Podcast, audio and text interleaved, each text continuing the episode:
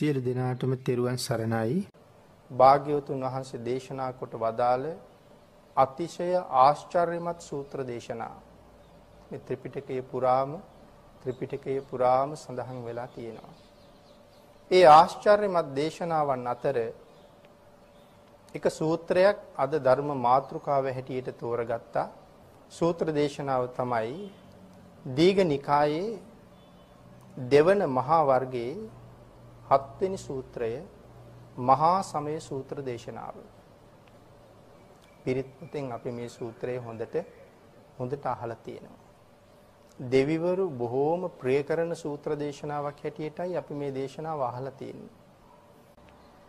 මහා සමය සූත්‍ර දේශනාව. කපිලවස්තුවේ මහා වනයේදී තමයි මේ දේශනාව ආරම්භ වෙන්නේ. සාමාන්‍යයෙන් සෑම බුදුරජාණන් වහන්සේ නමකගේම ශාසනය තුල මේ මහා sannipāත සිද්ධ වෙනවා. මහා sannipāත කියන්නේ විශාල පිරිස් ඒකරාශී වීම විවිධ අවස්ථාවන් වල සිද්ධ වෙලා තියෙනවා. ඉතින් අපේ බුදුරජාණන් වහන්සේගේ ශාසනය තුලත් මේ මහා sannipāත කීපයක් මේ මහා sannipāත කියන වචනයෙන් හඳුන්වන්නේ අපි දකින මහා කියන ප්‍රමාණය නෙමෙයි. අපට හිතාගන්න බැරි ප්‍රමාණයක්.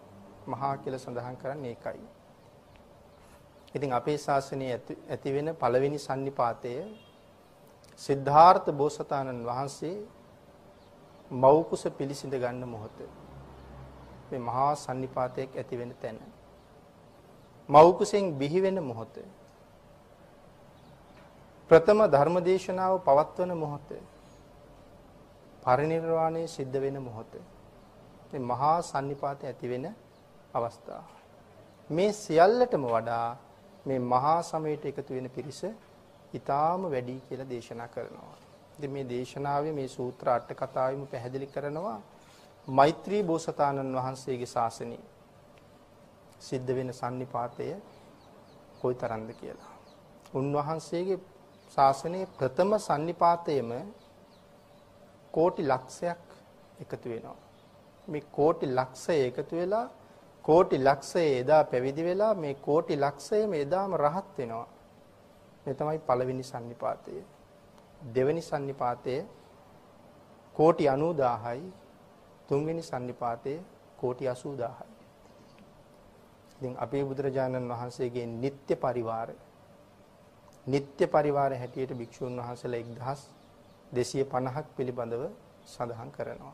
ඉතින් අර වාගේ මහා sannipāta උන්වහන්සේගේ ශාසනය තුල තිබුණා. ඒ සියලුම sannipāta අතර සෑම බුදු කෙනෙකුගේම ශාසනයේ ඇති වෙන විශාලතම sannipāතයයි මේ මහා සමය දේශනා කරන වෙලාවේ ඇති වෙන sannipāතය. ඒ කියන්නේ හැම බුදු කෙනෙක්ම මහා සමය දේශනා කරනවා. ධර්මයේ සමානයින්නේ.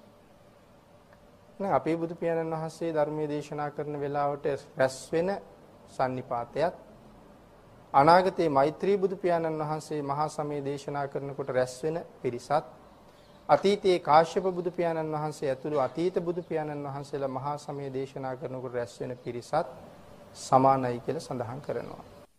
බුදු පියාණන් වහන්සේ තීරණය කළා මේ රැස් වෙලා ඉන්න අප්‍රමාණ වූ දේව ගණයා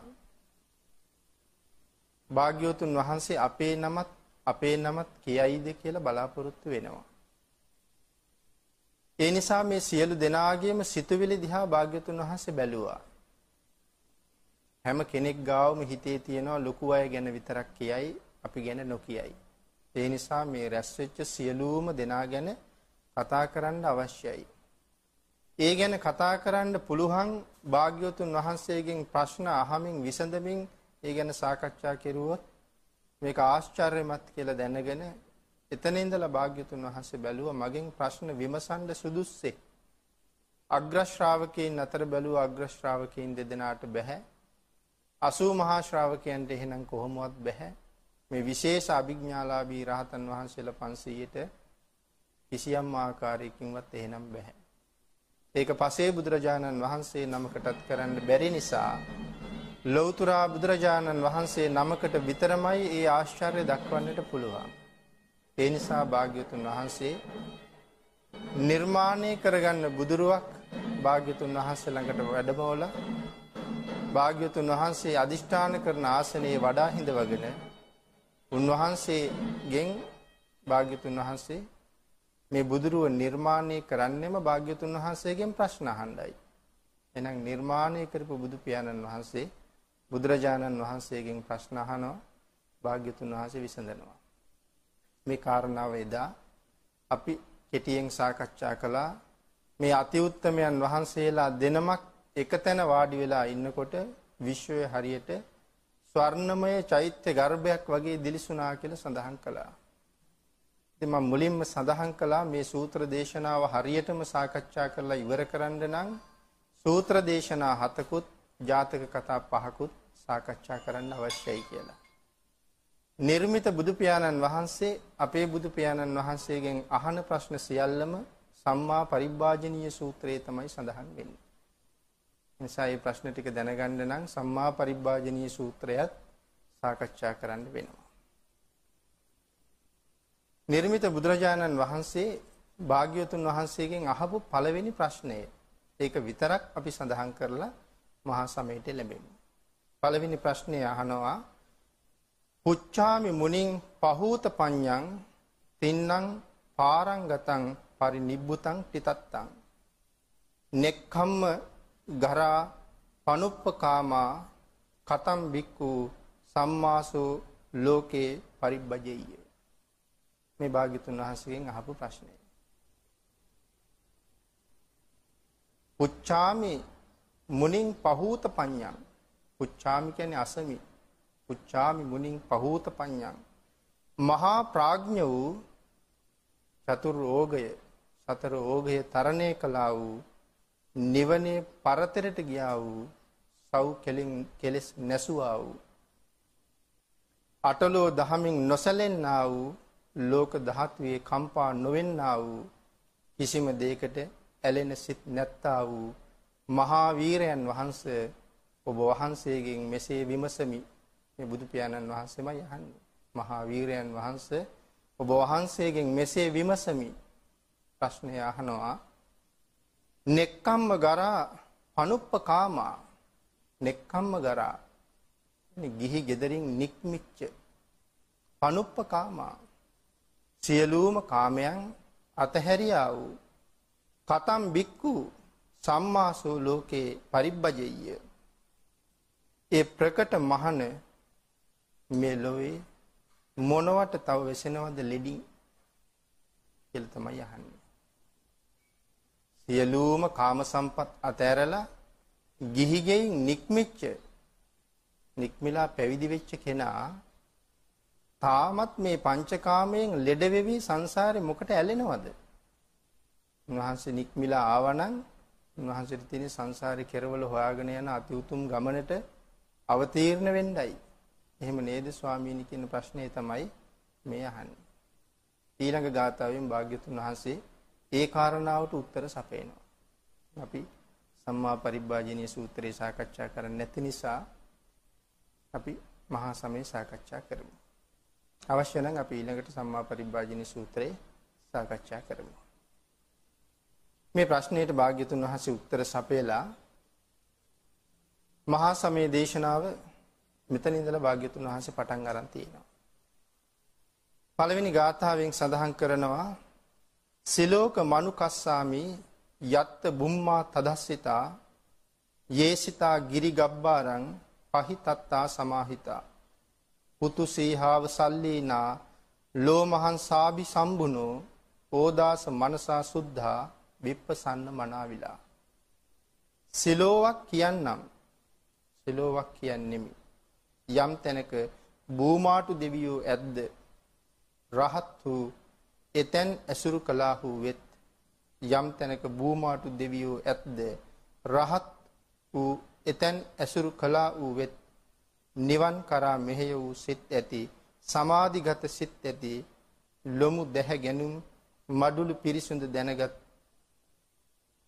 නොකිලිටි වූ වෙසසින් පහන් වූ නොකැලඹුණු ඒ රහත් වූ විවික්ත වූ බොහෝ සිංහයන්සේ ගිරි ගුහා ඇසුරු කළාහු වෙත් මෙතන සඳහන් කරනවා ගිහිගේ අතහැරලා කාමයන් අතහැරලා ශාසනයට ඇතුල් වෙච්ච භික්ෂුව මෙතන නාග කියලා හඳුන්වන්නේ රහතන් වහන්සේට.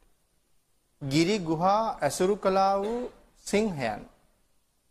ඒ කියන්නේ ඊටාම හුදකලාවට තමයි රහතන් වහන්සේ කැමති. සිංහයා කැමති කවුරුවත් නැති හුදකලා පාළු තැන්වල ඉන්න. එතන තියෙනවා පුදුමාකාර නිදහසක් සහ විවේකයක්. ඒ විවේකයේ භුක්ති විඳින්න තමයි සිංහයෝ ඊටාම නිහඬ පරිසරයේ ගත කරන්නේ. බුදු පියාණන් වහන්සේ මුණ ගැහෙන්නත් සේල බ්‍රාහ්මණයා යන වෙලාවේ තමන්ගේ 300ක් වෙච්ච ශ්‍රාවකයන්ට මතක් කරනවා ශ්‍රාවකයිනි මේ සම්මා සම්බුද්ධ කියලා කියන්නේ සිංහයෝ වාගේ අය. නිශ්ශබ්දතාවයට තමයි ඊටාම කැමති. ඒ නිසා ඕගොල්ලෝ পায় තියලා පයෝසවනකොට ඇති වෙන වැලි හඬවත් ඇති නොවෙන්න পায় තියන්න ඕනේ.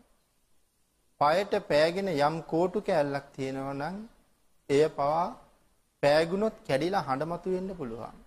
එහෙම හඬක්වත් නංවන්න එපා. මම භාග්‍යවතුන් වහන්සේ සමග සාකච්ඡා කරන වෙලාවට අතරමැද්දෙන් පැනලා මගෙන් ප්‍රශ්න අහන්න එපා.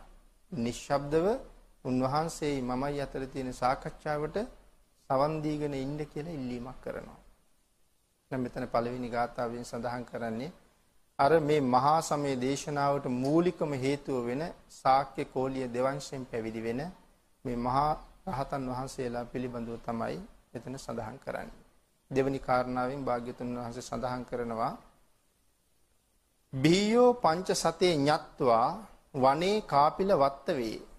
තතෝ ආමන්ත ඊ සත්තා ශාවකේ ශාසනේ රතා. ශාස ශාවකේ ශාසනේ රති. කිඹුල්වත් පුරය අසල වනේහි ශාස්ත්‍රූහු ලස්සන ඇලුණු 500කට වැඩි සව්වන් දැන. බියෝ පංචසතේ ඤත්වා. පංචසතේ කියලා කියන්නේ 500ට ඤත්වා කියන්නේ දැන. වනේ කාපිල වත්තවේ. කපිල වස්තුවේ මහා වනේ ආශ්‍රය කරගෙන තමයි මේ දේශනාව සිද්ධ වෙන්නේ. දැන් මේ රහත් වූ විශේෂයෙන් 이르දි සහිතව රහත් වූ භික්ෂූන් වහන්සේලා 500ක් භාග්‍යතුන් වහන්සේත් එක්ක මෙතන වැඩ වාසය කරනවා. තතෝ ආමන්තයි සත්තා. ශාවකේ ශාසනයේ රතේ ශාස්ත්‍රූන් වහන්සේ සමග වෙසෙන ශාසනයෙහි ඇලුනා වූ ශාවකේ ශාසනයේ රතේ ශාසනයෙහි ඇලුනා වූ මේ භික්ෂූන් වහන්සේලා බලන්නේ මේ දේව කායා රැස් වෙලා ඉන්නවා.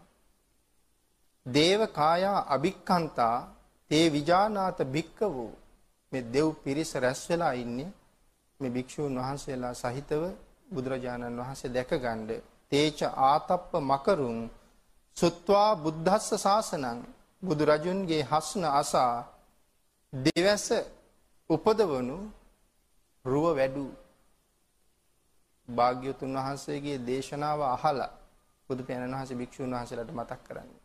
මේ දේව ගණයා රැස් වෙලා ඉන්නවා ඔබත් මමත් දැක ගන්න. දිවැස වැඩු මගේ දේශනාව අහලා මුලින්ම ශාසනයට තිබෙන නොයල්මක්. මේ සම්බන්ධයේ හරියට දන්නේ නැති කෙනෙකුට මේක ටිකක් අවබෝධ වෙනවා අඩු වෙන්න පුළුවන්. මුලින්ම අර භික්ෂූන් වහන්සේලා 500ට තිබුණේ විසෝවරු දාලා පැවිදිකමේ ඉන්න බැරි නොයල්ම. ඒ වෙලාවේ තමයි භාග්‍යතුන් වහන්සේ මේ භික්ෂුන් වහන්සේලා කුණාල පොකුණ ළඟට එක් කරගෙන ගිහිල්ලා ගිහි බැඳුම් කඩලා දාලා ශාසනයේ ඇල්ම ඇති කරලා මේ අභිඥා සහිතව මගඵල ලැබුවේ. දැන් උන්වහන්සේලාට අභිඥා ලැබිලා තියෙන සෝවාන් මාර්ගයත් එක්කම. නමුත් අභිඥාව ලැබුණා අභිඥාව තියෙන බව දන්නවා තාම අභිඥාව පාවිච්චි කළේ නැහැ. මේ ලැබුණ අලුතමනේ. තාම කවුරුවත්ම අභිඥාව පාවිච්චි කරලා නැහැ. ඒ නිසයි මතක් කරන්නේ භාග්‍යවතුන් වහන්සේගේ දේශනාව අහලා අභිඥාව ලබලා අභිඥාවෙන් පෝෂණයට පත් වෙලා ඉන්න අය රුව වැඩු ඒ දේව රූපයන් බලන්න. දැන් මේ අභිඥාව යොදලා ඒ දේව රූපයන් බලන්න කියලා භාග්‍යතුන් වහන්සේ භික්ෂුන් වහන්සේලාට ඉල්ලීමක් කරනවා. භූමාටු කායික දෙවිවරු. මහා වනයේ ආශ්‍රය කරගෙන පොළව ආශ්‍රය කරගෙන ජීවත් වෙන අය භූමාටු දෙවිවරු කියලා සඳහන් කරන්නේ ඒ අයට. ඊළඟට සඳහන් කරනවා භාග්‍යතුන් වහන්සේ තේසං පාතුරහු ඥානං අමනුස්සාන දස්සන. තේසං පාතුරහු ඥානං අමනුස්සාන දස්සනං. ඒ ඥානයේ උපදවල ඒ ඥාණයෙන් අමනුස්සාන දස්සයන් අමනුෂ්‍යෝ බලන්ඩ. මෙතන අමනුෂ්‍ය කියලා සඳහන් කරුවට අර අපි කතා කරන අමනුෂ්‍ය ගැන එහෙම නෙවෙයි මේගොල්ලෝ බූමාටු දෙවිවරු. සහ බූමාටු යක්ෂ කියන නමිනුත් හඳුන්වනවා බූමාටු යක්ක කියලා හඳුන්වුවත් බූමාටු දේව කියලා හඳුන්වුවත් මේක පිරිසක්. ඒ නිසා බලන්න කියන අමනුස්සාන දස්සනන් කියන්නේ මනුස්ස නොවන අය. මේගොල්ලෝ දේවකායික. අපිට අමනුස්ස කියපු ගමන් හැඟෙන්නේ වෙන අර්ථයක්. නමුත් මෙතන අමනුස්ස කියලා කියන්නේ මනුස්ස මනුස්ස නොවන අය. මනුස්ස නොවන අය දිහා බලන්න කියලා දේශනාස් කරනවා. අපේකේ සත මද්දක්කුන් සහස්සං අතසන්තතින් දහස් ගණන් රැස් වෙලා ඉන්නවා මනුෂ්‍ය නොවන අය. ඔබලා ලබාපු අභිඥා යොදලා ඒ අය දිහා බලන්න.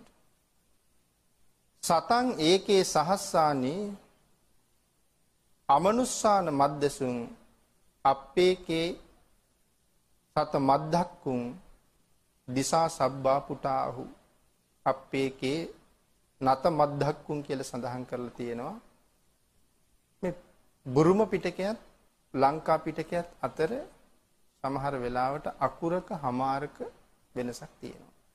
බැඩ්ඩිම වෙනසක් වෙලා තියෙනවා නම් අකුරක වෙනසක් තමයි වෙලා තියෙන්නේ මේ අවුරුදු 2560ටම වෙනස් වෙලා තියෙන්නේ අකුරක වගේ වෙනසක්. ඉතින් මෙතන සඳහන් කරනවා අප්පේකේ නත මද්දක්කුන් කියලා. සමහර තැනක අප්පේකේ සත මද්දක්කුන් කියලා සඳහන් කරනවා. මේ අකුරක වගේ වෙනසක් ඒක තේරුමට මහා ලොකු බලපෑමක් කරලා බලපෑමක් කරලා නැහැ. ඇතැම් මහන කෙනෙක් දහසක් අමනුෂ්‍යයන් සියසින් දුටුවහ. සමහර භික්ෂූන් වහන්සේලා අමනුෂ්‍යෝ 1000ක් තමන්ගේ අභිඥාවෙන් දැක්කා. ඇතැම් මහන කෙනෙක් අමනුෂ්‍යෝ දහසක් දුටහ ඇතැම් මහන කෙනෙක් දස දහසක් දුටහ ඇතැම් මහන කෙනෙක් හැත්තෑ දාහක් දුටහ ඒ අයගේ අභිඥාවෙන් බලාපු බලාපු හැටියට ඒ අයට මේ දේවකායිකාය දකින්න ලැබුණා. ඇතැම් මහන කෙනෙක් සිය දහසක් දුටහ ඇතැම් මහන කෙනෙක් අනන්ත දෙවි බඹුන් දුටහ සියලු දිසා වූ දෙව් බඹුන්ගෙන් පැතිර පිරීගත් වූ සඳහන් කළා දෙවි බඹුන් කොහොමද පහළට බැහැලා හිටියේ කියලා. භාග්‍යවතුන් වහන්සේ ළඟට එනකොට එක ඉදිකටු සිදුරකට දෙවිවරු 10 දෙනෙක් බැහැ ගන්නවා. එක ඉදිකටු සිදුරකට. ඒ මහේශාක්‍ය දෙවිවරු. ඉතින් මේ දෙවිවරුන්ගේ විශාලත්වයත් සඳහන් කළා බ්‍රහ්මකායිකාය එහෙම මගධය වාගේ ගම් කීපයක් යට වෙනවා එක බ්‍රහ්ම රාජයෙකුගේ ශරීරයට. මගධය කියලා කියන්නේ ඉතා විශාල භූමියක්. අපේ පලාතකටත් වඩා සමහරලාට මගධ කියන එක ජනපදයක් ලොකුයි. ඉතින් එවන් ගම් කීපයක් යට වෙනවා එක බ්‍රහ්ම රාජයෙකුට. ඒ වාගේ විශාල ශරීර තියෙන අය තමයි ඊටාම චූටි ශරීර බවට පත් කරගෙන ඉදිකටු සිදුරක් ඇතුළට මේ 10 දෙනෙක් 10 දෙනෙක් බැහැලා ඉන්නේ. භාග්‍යතුන් වහන්සේ ළඟම ඉන්නකොට 10යි, ටිකක් ඈතට යනකොට සිදුරට 20යි, 30යි, 40යි, 50යි, අන්තිමට 60ක් බැහැලා හිටිය කියලා සඳහන් කරනවා එක ඉදිකටු සිදුර ඇතුළට. අපි සඳහන් කළා එදා දේශනාව කරන වෙලාවේ බිමින් දුමක් ගැහුවනම් ඒ දුම අහසට ගියේ නැහැ කියලා. දුමක් නොයන තරමට මේගොල්ලෝ එක තැන එක තැන එක තැන හේතු වෙලා පුදුමාකාර නිහතමානී විදිහට නැත්නම් ඇඟේ ගෑවෙනකොට තරහ එනවා. නමුත් මේ මේ ඊටාම ඉහළ කායික සැප තියෙන අය එක තැන මේ විදිහට කිටි කිටියේ හිර වෙලා ඉඳලා තියෙන්නේ. ඒ නිසා සඳහන් කරනවා දෙවි බඹුන් සියලු දිසාවෝ දෙවි බඹුන්ගෙන් පිරි පැතිරී තිබුණා. සමහර භික්ෂූන් වහන්සේලා මේ සියලුම දිව්‍ය රාජවරු දැක්කා. තංච සබ්බේ අභිඤ්ඤාය වවක්කිත්වාන චක්කුමා තතෝ ආමන්ත ඊ සත්තා ශාවකේ ශාසනයේ රතේ. පසස් ඇති ශාස්ත්‍රූන් වහන්සේ ඒ සියල්ල වෙසසින් නුවණින් දැන වෙන්කොට දැන ඉක්බිති සස්නෙහි ඇලුණු ඒ සිය සව්වන් බනවා.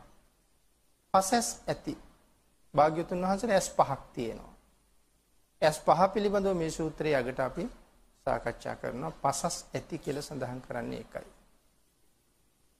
උන්වහන්සේ ඒ නිසා මේ සියලුම දේවගණයා දැකලා බලලා ශාසනයේ ඇලිච්ච තමන්ගේ ශ්‍රාවකයන් බණවා කියලා කියන්නේ ශ්‍රාවකයින්ට ඒ කාරණාව කියලා උනන්දු කරවලා සත් දේව කායා අභික්ඛන්තා තේවිජා නාත භික්කවෝ යේ වෝහං කිත්ත ඉස්සාමි ගිරාහි අනුපුබ්බසෝ. භාග්‍යතුන් වහන්සේ සඳහන් කරනවා මහණෙනි දිව්‍ය සමූහයා එළඹියා.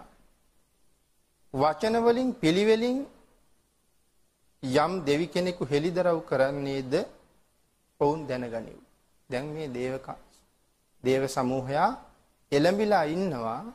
මම දැන් හැම එක්කෙනාම නම කී කියා ගෝත්‍රය කී කියා ඒගොල්ලන්ට ආමන්ත්‍රණය කරනවා. නැත්නම් ඒගොල්ලෝ හඳුන්වලා දෙනවා ඒ සියලු දෙනාම මනාව දකින්න ඒ ඒ කයින් ඒ ඒ නමින් මහේශාක්‍ය අල්පේශාක්‍ය බවින් මේ අය හඳුනා ගන්න දැන් මේ මේ විදිහට මේ අය හඳුන්වලා දෙනවා මම.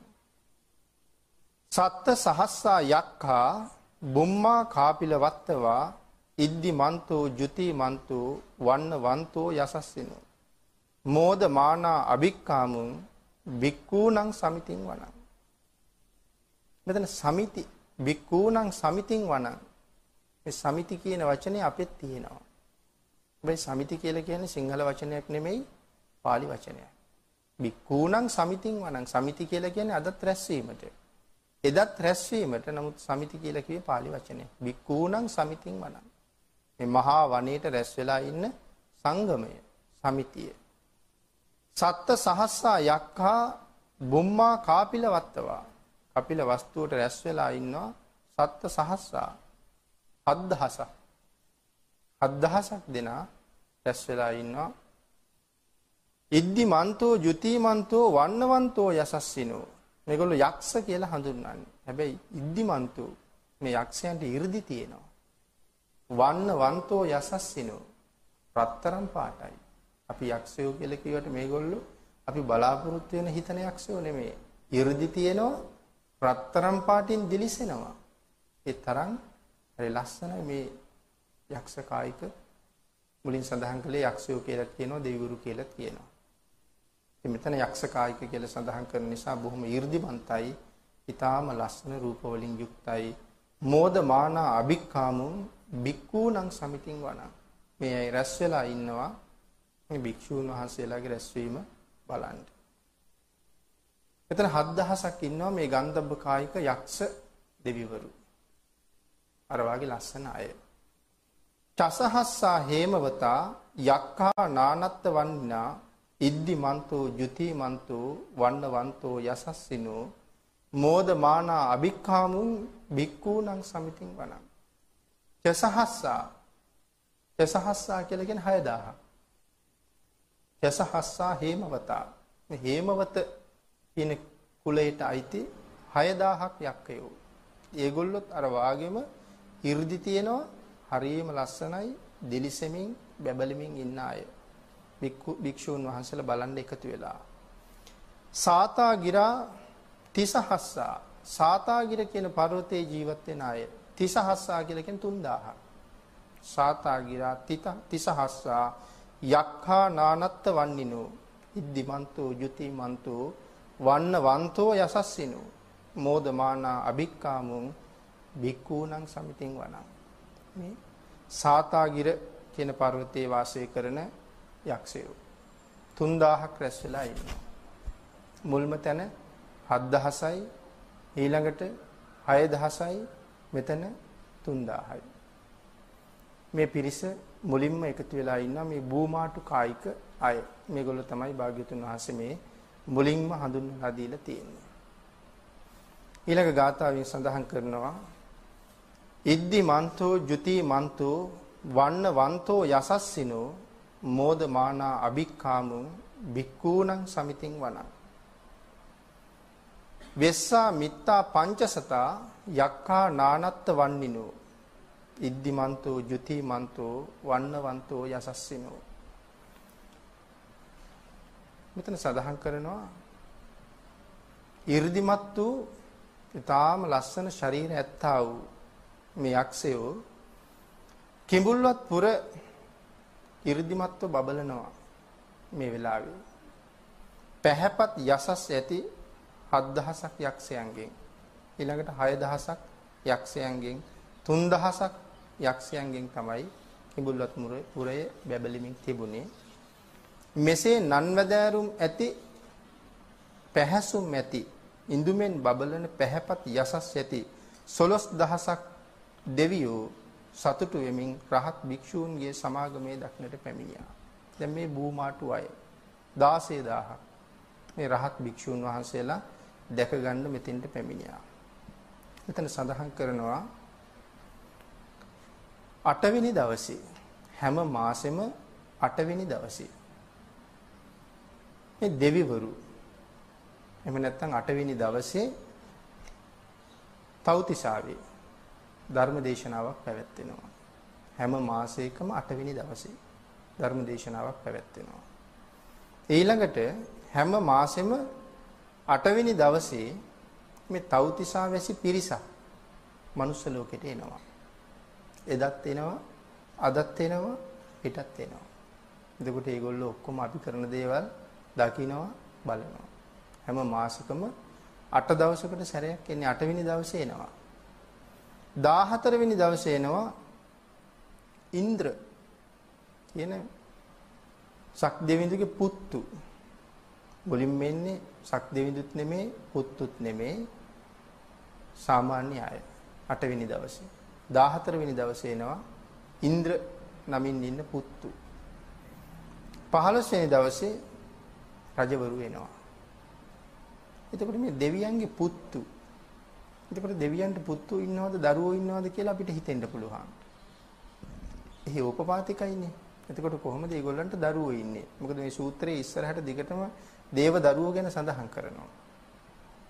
සඳහන් කරනවා යම් තැනක දේව විමානයක් ඇති වුනහම ඒ දේව විමානයට නායකයෙක් ඉන්නවා. නායකයෙක් වෙන වෙන්නේ දේව විමානයේ ඇති වෙන්නේ. ඒ නායකයාගේ උකුලේ උපන්නොත් උපපාතිකව පහළ වෙන්නේ. එකපාරම උකුල උඩ පහළ වුණොත් ඒගොල්ලෝ දරුවෝ. යහනේ පහළ වෙලා හිටියොත් දේවතාවියක් නම් යහනේ පහළ වෙලා හිටියොත් එයා අග්‍රමහේෂිකාව බවට පත් කර ගන්නවා. දේව විමානේ තව තැන් තැන් වල පහළ වෙලා හිටියොත් ඒගොල්ලෝ අග්‍රමහේෂිකාවට පල්ලෙහින් ඉන්න අනික් පරිවාර මහේෂිකාව බවට පත් වෙනවා. උකුලේ උපන්නොත් දරුවෝ බවට පත් වෙනවා. මෙතන ඉන්ද්‍ර නමින් ඉන්න පුතුන් කියලා සඳහන් කරනවා. 15 වෙනි දවසේ රජවරු වෙනවා. ඒ කියන්නේ 15වක දවසේ 15 වෙනි දවසේ එදාට රජවරු වෙනවා. ඊළඟට තමයි සුධර්මා දේව සභාවට රැස් වෙලා මේගොල්ලෝ සාකච්ඡා කරනවා මේ මනුස්ස ලෝකේ ඉන්න අය කරන දේවල් පිළිබඳවත් ඒ සාකච්ඡාවට භාජනය වෙනවා. විශේෂයෙන් පන්සිල් රකින්න පින් කරන අය දිහා බලලා යනවා කියලා සඳහන් කරනවා. එහෙම ගිහිල්ලා ඒගොල්ලෝ සතුටු වෙනවා. අපිට පින් අනුමෝදන් කරනවා මේගොල්ලෝ පින් කරලා. ඉතින් එහෙම අයට ප්‍රාර්ථනා කළත් නොකළත් උන්වහන්සේලාගේ ආශිර්වාදය නිරන්තරයෙන් ලැබෙනවා උන්වහන්සේලාට පින් දෙන නිසා. ඊළඟ ගාථාවෙන් සඳහන් කරනවා කුම්භීරෝ රාජගහිකෝ වේපුල්ලස්ස නිවේසනං බීයෝ නං සතසහස්සං යක්කානං පෛරුපාසති. කුම්භීරෝ රාජගහිකෝ රජගහ නුවර වැසි කුම්භීර නම් යක් සෙනවියෙක් වෙයි. රජගහ නුවර වාසය කරන යක්ෂ සේනාධිපතියෙක්. එයාගේ නම කුම්බීර. විපුලගිරි පව්ව ඔහු වසන තැනය. විපුලගිනි කියන පර්වතයේ ඔහු ජීවත් වෙන තැන. සිය දහසකටත් වැඩි යක්ෂයෝ ඔහු ඇසුරු කෙරිති. සියක් දාහක් යක්ෂයෝ ඊට වඩා වැඩි ප්‍රමාණයක් ඔහු ඇසුරු කරමින් ජීවත් වෙනවා රජගහ නුවර වැසි ඒ කුම්බීර තෙමේ භික්ෂූන්ගේ සමාගමේ බලන්න ඇවිල්ලා ඉන්නවා. මේ කුම්බීර කියන යක්ෂයා සියක් දාහකට වඩා තමන් සමග ඉන්න අය අඬ ගහගෙන විපුලගිරි පර්වතයෙන් බැහැලා මේ භික්ෂූන්ගේ සමිතිය බලන්න ඇවිල්ලා තියෙනවා. පුරිමංච දිසං රාජා දත රට්ටෝ තම්පසාසති ගන්ධබ්බාණං ආදිපති මහා රාජා යසස්සිසු පුරිමංච දිසං රාජා විරූඩක මෙතන සඳහන් කරනවා පුරිමංච දිසං රාජා. ඊළඟට විරූඩ. කාටද අපි විරූඩ කියලා කියන්නේ? සතරවරන් දෙවියන්ගෙන් එක්කෙනෙක්. පුරිමංච කියලා මෙතන සඳහන් කරන්නේ పూర్ව දිශාව බාරගෙන ඉන්න කෙනා. පුරිමංච දිසං රාජා. දත රට්ටෝ තම්පසාසති. ගන්ධබ්බාණං ආදිපති. ගාන්ධර්වයන්ට අධිපති. ගන්ධබ්බ ගන්ධබ්බ කායික දෙවිවරු. මේගොල්ලෝ බොහොම පහළ මට්ටමේ ඉන්නේ. ගන්ධබ්බ කායික දෙවිවරු. ගන්ධබ්බ කියන එක අර්ථයක් තමයි මේ සුවඳ ආග්‍රහණය කරලා ජීවත් වෙන අය. ආහාර ගන්න සුවඳ තමයි ආග්‍රහණය කරන්නේ. සමහර වෙලාවට අපි වර්තමානයේ සලකන දේවාල ඒ ආශ්‍රය කරගෙනත් මේ ගන්ධබ්බ කායික දෙවිවරු ඉන්නවා අපි ගෙනියන පළතුරු වට්ටි අපි කවදාවත් දැකලා නැහැ දෙවියෝ අනුභව කරලා එහෙම තියෙනවා. සමහරලාට ඒ සුවඳ ආග්‍රහණය කරනවා. මල්වල සුවඳ, ගස්වල කඳන් වල සුවඳ, කොළ පොතු වල සුවඳ ආග්‍රහණය කරලා ජීවත් වෙන අය මේ ගන්ධබ්බ කායික ගණයට අයිති වෙනවා. පූර්ව දිශාව බාරව කටයුතු කරන දිව්‍ය රාජයා යටතේ තමයි මේගොල්ලෝ ඉන්නේ. ගන්ධබ්බාණං ආධිපති, ගාන්ධර්වයන්ට අධිපති. තවත් අපි ගන්ධබ්බ කියන වචනේ හඳුන්වනවා තව තැනක. කාටද ගාන්ධර්ව කියන වචනේ පාවිච්චි කරනවා මේ සංගීතය පිළිබඳව කතා කරනකොට ගාන්ධර්ව කියන වචනේ සඳහන් කරනවා. සුවඳ උරා ජීවත් වෙන අයටත් ගන්ධබ්බ කියන වචනේ පාවිච්චි කරනවා කියලා සඳහන් කරනවා. පුත්තා පිතස්ස බහවෝ ඉන්ද නාමා මහබ්බලා. ඉද්දි මන්තෝ ජුති මන්තෝ වන්නවන්තෝ යසස්සිනෝ. ඔහුගේ මේ ඉන්ද්‍ර නැමැති පුතුන්ද අඬ ගහගෙන දිලිසෙමින් බැබලෙමින් භික්ෂූන් වහන්සේලාගේ සමිතිය බලන්ඩ මේ ගන්ධබ්බ කායික පිරිස ඇවිල්ලා ඉන්නවා. පුංචි පිරිසක් එහෙම නෙමෙයි මේ පිරිස. කෝටි ලක්ෂයක්. මේ සතරවරන් දෙවියන්ගෙන් එක්කෙනෙක් යටතේ පාලනය වෙන පිරිස. කෝටි ලක්ෂයක්. එතකොට මේ పూర్ව දිශාව බාරව ඉන්න රජ්ජුරුව එනවා කියලා කියන්නේ කෝටි ලක්ෂයක් අඬ ගහගෙන ඉන්නේ. ඉතින් එතකොට සක්වල පිරෙනවා කියන එක ඉතින් කෝටි ලක්ෂයක් මෙතෙන්ට 10000ක් සක්වලවල වලින් එකතු වෙන්නේ. එතකොට මේ සක්වලේ పూర్ව දිශාව බාරව ඉන්න කෙනා කෝටි ලක්ෂයක් අඬ ගහගෙන එනකොට 10000ක් සක්වලක 10000ක් එනවා.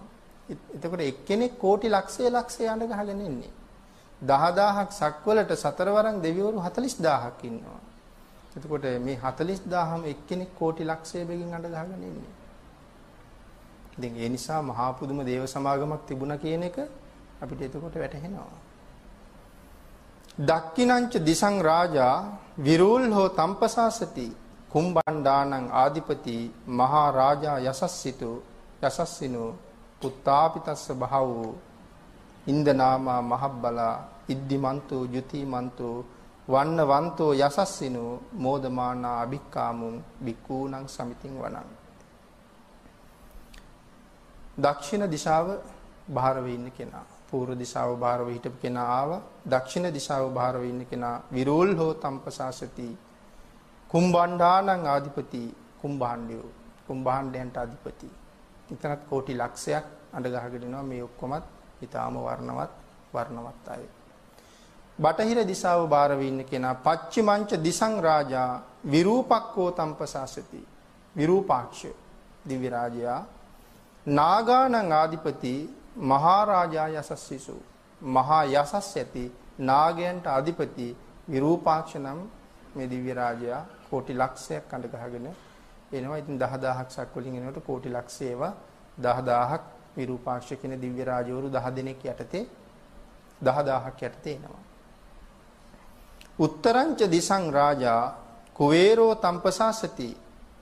උතුරු දිශාව බාර කුවේර නමින් හඳුන්වෙන වෙසමුනි රජුරු කුවේර නමින් උපදින්නේ නම්බුනාමේ වෙසමුනි. අපි වෛශ්‍රවණ කියන නමින් හඳුන්වනවා.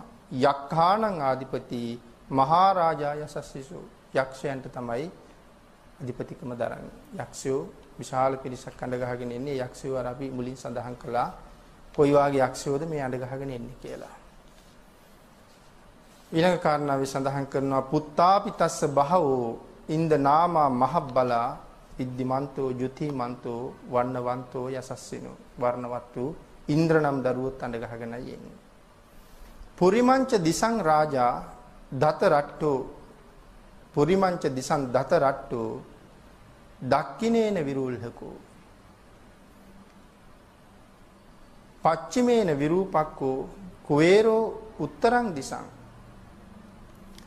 චත්තාරෝතේ මහරජා සමන්තා චතුරෝ දිසා දදල්හමානා අට්ටංසු. ආයතර බුරුම පිටකේ ලංකා පිටකේ වෙනස මෙතන පේනවා. දදල්හමානා කියලා කියන්නේ බුරුම පිටකේ. ලංකා පිටකේ සඳහන් කරන්නේ දද්දල්හමානා කියලා. අල්දයන්ක් සඳහන් කරනවා මෙතන එක අකුරක එක අල් කිරීමක වෙනසක් තියෙනවා. දදල්හමානා දද්දල්හමානා. සමන්තා චතුරෝ දිසා සමන්තා කියලා කියන්නේ සම්පූර්ණ වෙලා තියෙනවා දැන් හතර දිශාවම මේ කෝටි ලක්ෂයේ ලක්ෂයේ ඇවිල්ලා හතර දිශාවම සම්පූර්ණ වෙලා තියෙනවා සක්වලවල් කෝටි 10000කින් කෝටි ලක්ෂයව 10000 10000 සම්පූර්ණ කරලා තියෙනවා තේසං මායා විනෝ දාසා ආගු වංචනිකා සටා. තේසං මායා විනෝ දාසා ඔවුන්ගේ දාසියොත් අඬ ගහගෙන ඇවිල්ලා තියෙනවා. හැබැයි ඒගොල්ලෝ මායා විනෝදාසා මායා විනෝ කියලා කියන්නේ මායම් කර මායම් අපි කියලා කියන්නේ මේ කපටිකම්. මායම කියලා අපි කියන්නේ. මේ දාසියෝ හරි හරි කපටි ඒගොල්ලෝ. ආගු වංචනිකා සටා හරි වංචාකාරයි ඒගොල්ලෝ. වංචනිකයි සටා කියලා මෙතන සඳහන් කරන්නේ නැති ಗುಣ පෙන්නනවා සටා කියලා කියන්නේ සට කපට කියන වචනයක් අපි පාවිච්චි කරනවා නැති ಗುಣ පෙන්නනවා සිල්වත් නැතුව සිල්වත් වගේ ඉන්නවා. ශ්‍රද්ධාවන්ත නැතුව ශ්‍රද්ධාවන්තයි වගේ ඉන්නවා. බොහොම ඉඳුරන් නිමාගත්තා වගේ නමුත් ඉඳුරන් නිමිල නැතුව ඉන්නවා. සට කපට කියන වචනේ පාවිච්චි කරන්නේ ඒකට ඒකට තමයි වංචනිකා සටා කියලා හඳුන්වන්නේ. මායා කුටෙන්ඩු වෙටෙන්ඩු. වේටෙන්ඩු කියලා සමහර තැනක සඳහන් කරනවා. මායා කුටෙන්ඩු වෙටෙන්ඩු. විටුච්ච විටුඩෝ සහ මේ සඳහන් කරන්නේ මේගොල්ලන්ගේ නම් මායා කුටෙන්ඩු වෙටෙන්ඩු විටුච්ච විටුඩෝ සහ සහ කියලා කියන සමග. මේගොල්ලෝ සමග. චන්දනෝ කාම සෙට්ටෝච කින්නු ගණ්ඩු නිගණ්ඩුච පනාදෝ ඕපමඤ්ඤෝච දේව සූතෝච මාතලී. චිත්තසේනෝච ගන්ධබ්බෝ නලෝ රාජා ජනේ සභු. මෙතන නලකාර දේවපුත්ත නලෝ රාජා. සමහර වෙලාවට නලකාර දේවපුත්ත කියලා අද හඳුන්වනවා ඇත්තේ මෛත්‍රී බුදු පියාණන් වහන්සේ කාලේ ශක්විති රාජ්‍ය දරන කෙනා. වෙන්න පුළුවන් නලකාර දේවපුත්ත කියලා කියන්නේ. ජනේ සබ කියලා කියන්නේ මේ මහා සමය දේශනාව බිම්බිසාර රජුරුවන්ගේ අපවත් වීමෙන් පස්සේ නම් කෙරුණේ. මෙතන ජනේ සබ කියලා කියන්නේ එහෙනම් බිම්බිසාර රජුරුව. බිම්බිසාර රජුරුව තමයි ජනේ සබ කියලා හඳුන්වන්නේ. ජන වසබ කියන නමින් තමයි අද දෙව්ලොව ඉන්නේ. නිසා රජ්ජුරුවන්ගේ අපවත් වීමෙන් පස්සේ නම් මේ දේශනාව කෙරුණේ මෙතන ජනවසබ වෙන්නේ රජ්ජුරුව. අතාගු අතාගු පංචසිකෝ චේව තිම්බරු සූර්ය වච්චසා අතාගු පංචසිකෝ චේව පංචසික පංචසික කියන දිව්‍ය පුත්‍රයා තිම්බරු සූර්ය වච්චසා මෙතන තිම්බරු කායික තිම්බරු කියලා කියන්නේ තිම්බරු කායික දෙවියෙක්. සූර්ය වච්චසා මේ තිම්බරු කියලා කියන දෙවියා අසුරෙක්. අසුර රාජයෙක්. සූර්ය වච්චසා මෙයාගේ දුව තමයි සූර්ය වච්චසා කියලා කියන්නේ. මෙයාගේ නම භද්‍රා. නමුත් සූර්ය වච්චසා කියලා කියන්නේ මේ දුව සූර්යයා වගේ දිලිසෙනවා. ඒ නිසා සූර්ය වච්චසා කියන නම එයාට තියලා තියෙනවා. මේ තිම්බරි කියන තිම්බරු කියන අසුරයාගේ දුව. සක්දෙවිඳු මේ කවුද මේ තිම්බරු කියන කාරණාව බොහොම ගැඹුරට විස්තර කරලා තියෙනවා මෙතන. මේ පංචසික දිව්‍ය පුත්‍රයා හරි කැමැත්තෙන් ඉන්නවා මෙයා හරි ලස්සන ගායනා කරන්න පුළුවන් කෙනෙක් පංචසික කියලා කියන්නේ. පංචසිකගේ වීණා වාදනය ගැන අපි කතා කරනවා. මේ පංචසික දිව්‍ය පුත්‍රයා නිරන්තරයෙන් බුදු පියාණන් වහන්සේ දකින්න එන්න කැමතියි. දැන් අපි වුණත් කෙනෙක් හම්බ වෙන්න යන්න ඕන නම් ටිකක් වැදගත් කෙනෙක්. අපි එකපාරම යන්නේ නිතරම එයා මුණ ගැහෙන්න යන කෙනෙක් එක්ක ගියොත් අපිට වැඩි ලේසියි කියලා අපි දන්නවා. ඒ නිසා මේ පංචසික කියන දිව්‍ය පුත්‍රයා නිරන්තරයෙන් බුදු පියාණන් වහන්සේ මුණ ගැහෙන්න එනවා. දැන් මේ සක්‍ර දේවේන්ද්‍රයන් වහන්සේගේ ආයුෂ පිරිහිලා.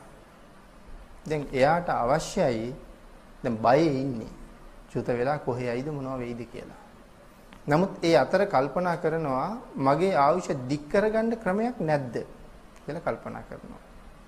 එතකොට මතක් වෙනවා බුදු පියාණන් වහන්සේ ගාවට ගියොත් නම් ආයුෂ දික් කරගන්න පුළුවන්. නමුත් යන්න මේ නිතරම යන අයට විතරයි යන්න පුළුවන්.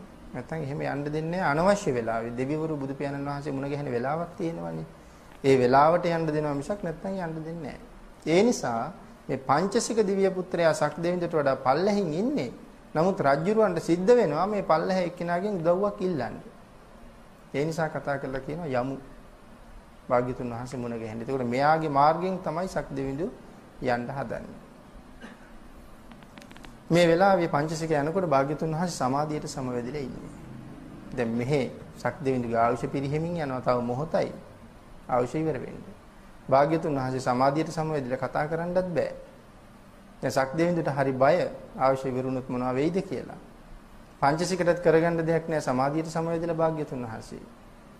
ඒ වෙලාවේ පංචසික භාග්‍යතුන් වහන්සේ ළඟට ඉඳලා හරි ලස්සන ගීතයක් ගායනා කරනවා. ඒ ගීතේ ගායනා කරනකොට බුදු පියාණන් වහන්සේ සමාධියෙන් අවදි වෙනවා. සමාධියෙන් අවදි වෙලා අහනවා පංචසික. කවුද ගොයිතේ ලීවි?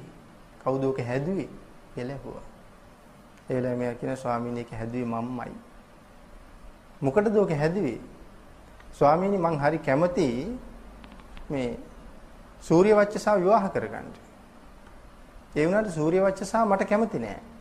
සූර්ය වච්චසා කැමති මාතලී කියන දිව්‍ය පුත්‍රයාගේ පුතා සිකණ්ඩි. සිකණ්ඩිට තමයි සූර්ය වච්චසා කැමති.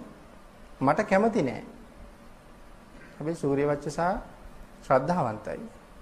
බුදු ගුණ ගීයක් ගයලා සූර්ය වච්චසා මට කැමති කරගන්න පුළුවන්ද කියලා බලන්න තමයි මෙයා මේ ගීතේ හදලා තියෙන්නේ. ස්වාමීනි මගේ හැදී මම මෙන්න මේ සිද්ධිය නිසා. දැන් මේ වෙලාවේ භාග්‍යතුන් වහන්සේත් එක්ක මෙයා එයාගේ හපංකම් කියනවා. මේ සක්දෙවිඳට එළියට වෙලා බය එයා තව එළියේ. එයාගේ ආවුෂ පිරිහෙනවා. ඒ වෙලාවේ කතා කරලා කියනවා ඉක්මන් කරන්න ඉක්මන් කරන්න ඕක පස්සෙක දාලා මට කතා කරන්න අවස්ථාව අරන් දෙන්න කියලා. ඒ වෙලාවේ බුදුරජාණන් වහන්සේත් එක්ක සාකච්ඡා කරලා ධර්ම සාකච්ඡාවක් කරනකොට සක්දෙවිඳට පිං වැඩෙනවා. එතකොට ධර්ම සාකච්ඡාවක් කරනකොට ධර්ම දේශනාවක් අහනකොට මොනතරම් පිං වැඩෙනවද කියන කාරණාව දැන් මෙයාගේ මුළු සංසාරගත පින ඉවර වෙලා චුත වෙන්න හදන්නේ. මෙයා දන්නවා භාග්‍යතුන් වහන්සේ ළඟට ගිහිල්ලා ධර්ම කාරණාවක් සාකච්ඡා කළොත් මට අනිවාර්යෙන් ආපහු අවශ්‍ය දික් කරන්න පුළුවන්. ධර්ම සාකච්ඡාව කරනකොට මෙයාට පිං වැඩෙනවා. ඒ වුණාට පරණාවශ්‍ය ඉවර වෙන්න එපා. පරණාවශ්‍ය ඉවර වෙනවා. ඉවර වෙලා සක්දිවිඳ චුත වෙනවා. චුත වෙච්ච සැනින් අතරක් නැහැ ආපහු එතනම උපදිනවා.